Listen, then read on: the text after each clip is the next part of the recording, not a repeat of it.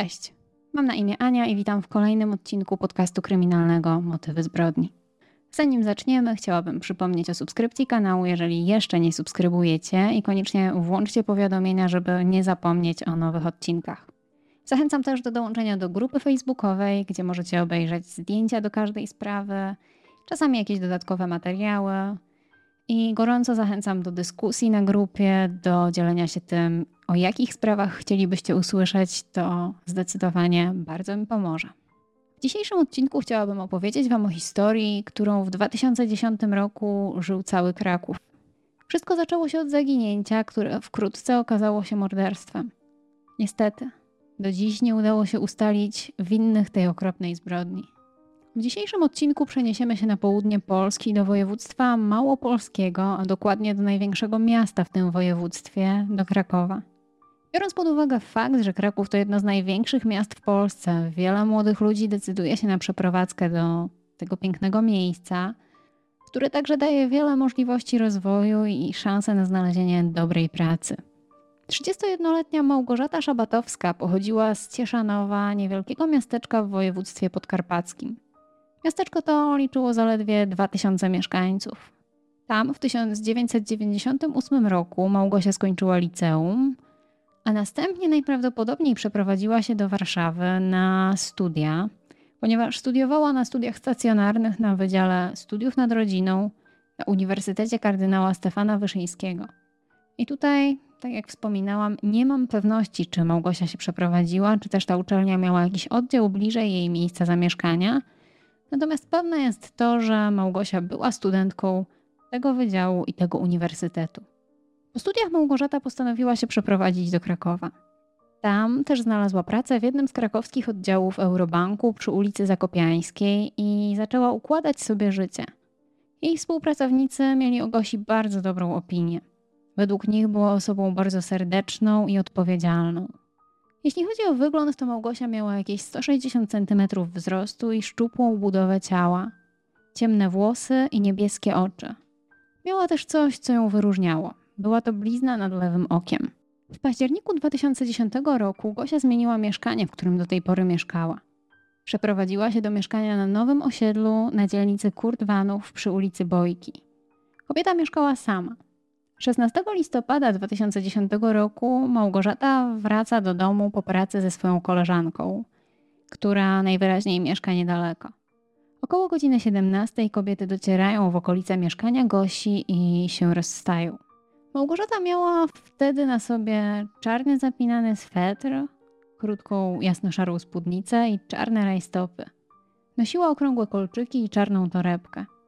Tego dnia Gosia chciała zrobić jeszcze drobne zakupy spożywcze, więc zanim udała się do swojego mieszkania, poszła do sklepu, do pobliskiego marketu, aby kupić niezbędne produkty. Pewne jest, że Małgosia do mieszkania z zakupami wróciła i że w pośpiechu ponownie mieszkanie opuściła tego samego wieczora. Wiele wskazywało na to, że planowała bardzo szybko wrócić. Kiedy następnego dnia, 17 listopada 2010 roku, Małgorzata nie pojawia się w pracy, przełożeni kobiety są bardzo zaskoczeni. Nigdy wcześniej jej się to nie zdarzyło, aby nie przyjść do pracy i nie powiadomić nikogo, że jest chora albo z jakiegoś innego powodu nie będzie jej. Nigdy nie zdarzyło się nawet, żeby Gosia się spóźniła. Nikt nie wiedział, co mogło się wydarzyć, więc i współpracownicy podjęli oczywiście próbę skontaktowania się z Małgorzatą, ale niestety jej telefon nie odpowiadał. Znając swoją koleżankę, byli pewni, że musiało się coś wydarzyć. Podejrzewali, że może Małgosia zasłabła i może potrzebować pomocy. Znajomi z pracy postanowili pojechać do mieszkania Małgosi i sprawdzić, co się z nią dzieje. Jedna z jej koleżanek miała klucze, które Małgosia niedawno jej dała tak na wszelki wypadek, więc łatwo mogli dostać się do środka. Kiedy przyjaciółka Małgosi z banku, w którym razem pracowały, pojawia się na miejscu, próbuje dzwonić i pukać do drzwi mieszkania. Jednak nikt tych drzwi nie otwiera. Wtedy kobieta spróbowała otworzyć drzwi za pomocą kluczy, które posiadała. Zaskoczyła ją jedna rzecz. Małgosia nigdy nie zamykała drzwi na dolny zamek, ponieważ czasem się zacinał. Zawsze wybierała ten górny. A tym razem drzwi mieszkania były zamknięte właśnie w ten sposób. Kiedy udało się otworzyć drzwi, okazało się, że Gosi nie ma w środku. Jednak to, co kobieta zobaczyła w mieszkaniu, było dość dziwne. W zlewie w kuchni stał talerz niedojedzonej zupy. W przedpokoju leżały buty, płaszcz, czapka i szalik, które Małgosia miała na sobie poprzedniego dnia. Zakupy, które zrobiła poprzedniego wieczoru w pobliskiej Biedronce leżały nierozpakowane na stole w kuchni. Znajoma Gosi nie rozumiała, co tu się właściwie stało. Wydawało jej się, że kobieta spędziła noc poza domem i że wyszła w pośpiechu. Ale gdzie mogła być, nie wiedziała. Postanowiła skontaktować się z rodziną Gosi, mając nadzieję, że może oni wiedzą coś o jej miejscu pobytu. Jednak oni także nie potrafili odpowiedzieć na pytanie, gdzie znajduje się Małgorzata. Bardzo się zmartwili jej nieobecnością. I siostra Joanna wyklucza, aby Gosia mogła gdziekolwiek wyjechać, bo z tego co udało im się ustalić, wszystkie jej ubrania zostały w mieszkaniu. Kobieta twierdzi, że Małgorzata nie jest osobą, która podejmuje aż tak spontaniczne decyzje. Jest raczej osobą spokojną, która ma swoje wąskie grono znajomych. Gosia nie miała też chłopaka i z tego co wiadomo, tak bliżej z nikim się nie spotykała. Nigdy nie zdarzyło jej się tak zniknąć, nie informując nikogo, że będzie przez jakiś czas nieobecna.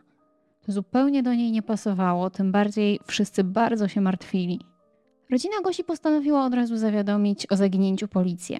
Rozpoczęło się śledztwo w tej sprawie. Policja udała się do mieszkania Gosi i zaczęli szukać osób, które mogły widzieć Małgorzatę. Rodzina i znajomi Małgorzaty rozwiesili w całym mieście plakaty ze zdjęciem zaginionej, numerem telefonu i prośbą o jakiekolwiek informacje na temat miejsca jej pobytu. Także pracodawca Małgorzaty był bardzo zaangażowany w jej poszukiwania. Warto wspomnieć, że w czasie, kiedy zaginęła Małgosia, w Krakowie doszło do zaginięcia kilku innych kobiet i policja próbowała łączyć ze sobą te sprawy. Pojawiła się teoria, że w Krakowie grasuje seryjny zabójca, który porywa kobiety – jednak, jak się później okazało, te sprawy nie do końca były ze sobą związane i cała ta teoria została bardzo szybko obalona. Dużą rolę w kwestii nagłośnienia zaginięcia Małgorzaty odegrały też media, które bardzo dużo pisały i mówiły o tej sprawie. Policja na początku sprawdziła telefony zaginionej. Gosia miała dwa telefony i policji udało się odtworzyć jej lokalizację na podstawie logowania do stacji BTS. Ten trop zaprowadził ich w okolice Zalewu Zakrzówek i tam, przy ulicy Zakopiańskiej i Tynieckiej, sygnał się urwał. Po kilku miesiącach udało się przeszukać Zalew Zakrzówek w poszukiwaniu ciała Małgorzaty. Jednak nic nie znaleziono i teoria o tym, że kobieta mogła popełnić samobójstwo, została odrzucona. Policja sprawdziła także mieszkanie kobiety za pomocą lamp UV w poszukiwaniu śladów przestępstwa, a dokładniej krwi. Ale nic takiego nie odnaleziono. Nie było też żadnych śladów walki. Tak naprawdę nie było za bardzo żadnego punktu zaczepienia. Można było przypuszczać, że Gosia wyszła z kimś, kogo znała. Nie wiadomo do końca też, jak Gosia opuściła swoje mieszkanie, ponieważ jeżeli to zrobiła, to musiała wyjść boso, bo wszystkie jej buty zostały w domu. W trakcie poszukiwania świadków policja dotarła do dwóch mężczyzn, którzy pracowali przy pracach wykończeniowych w bloku, w którym niedawno zamieszkała Małgosia. Poprzedniego wieczoru, czyli w dzień, kiedy Małgorzata była widziana przez swoich znajomych po raz ostatni, widzieli ją, kiedy szła ulicą. Nie pamiętają jednak, czy miała wtedy ze sobą reklamówkę z zakupami, czy też nie, co znacznie utrudnia ustalenie, czy widzieli ją w momencie, kiedy wracała do mieszkania, czy kiedy ponownie z niego wyszła. Pojawiło się też dwóch innych świadków. Było to dwóch młodych chłopaków, którzy tego wieczoru, kiedy zaginęła Małgosia, weszli do bloku, w którym i ona, i oni mieszkali. Winda tego dnia była zepsuta, dlatego byli zmuszeni iść do swojego mieszkania schodami. Na klatce schodowej, gdzieś między piętrami, spotkali oni mężczyznę, który właśnie odpoczywał sobie na schodach. Był trochę taki dziwny i miał ze sobą worek, który był dość długi i wyglądał na wypakowany. Mężczyźni nawet zażartowali, że chyba niesie jakieś ciało. Policja jednak zbagatelizowała ten trop. Policja rozmawiała z najbliższymi, rodziną i znajomymi Małgorzaty, próbując dowiedzieć się, gdzie ta mogłaby pójść albo pojechać. Przesłuchano także jej najbliższych współpracowników, sprawdzono monitoring w miejscu zamieszkania Gosi i w środkach komunikacji miejskiej w okolicy miejsca, gdzie mieszkała, ale zupełnie nic. Kobieta jakby przepadła bez śladu. Śledztwo bardzo długo nie szło w żadnym kierunku. Nie było żadnych tropów. Nikt nie widział Małgorzaty, nie było zupełnie nic, skąd można by zacząć poszukiwania zaginionej kobiety. Dopiero w styczniu 2012 roku w sprawie nastąpił przełom. 2 stycznia 2012 roku odnaleziono ciało kobiety. Doszło do tego dość przypadkowo. Pewien mężczyzna na terenie opuszczonej posesji w jednej z podkrakowskich wsi znalazł w ziemi zegarek, chwalił się tym znaleziskiem wokół swojego najbliższego grona i w końcu dotarła do niego policja. Mężczyzna wskazał im miejsce, gdzie znalazł przedmiot należący do zaginionej mieszkanki Krakowa. Na polu w okolicy wsi Liszki odnaleziono dość płytko zakopane ciało.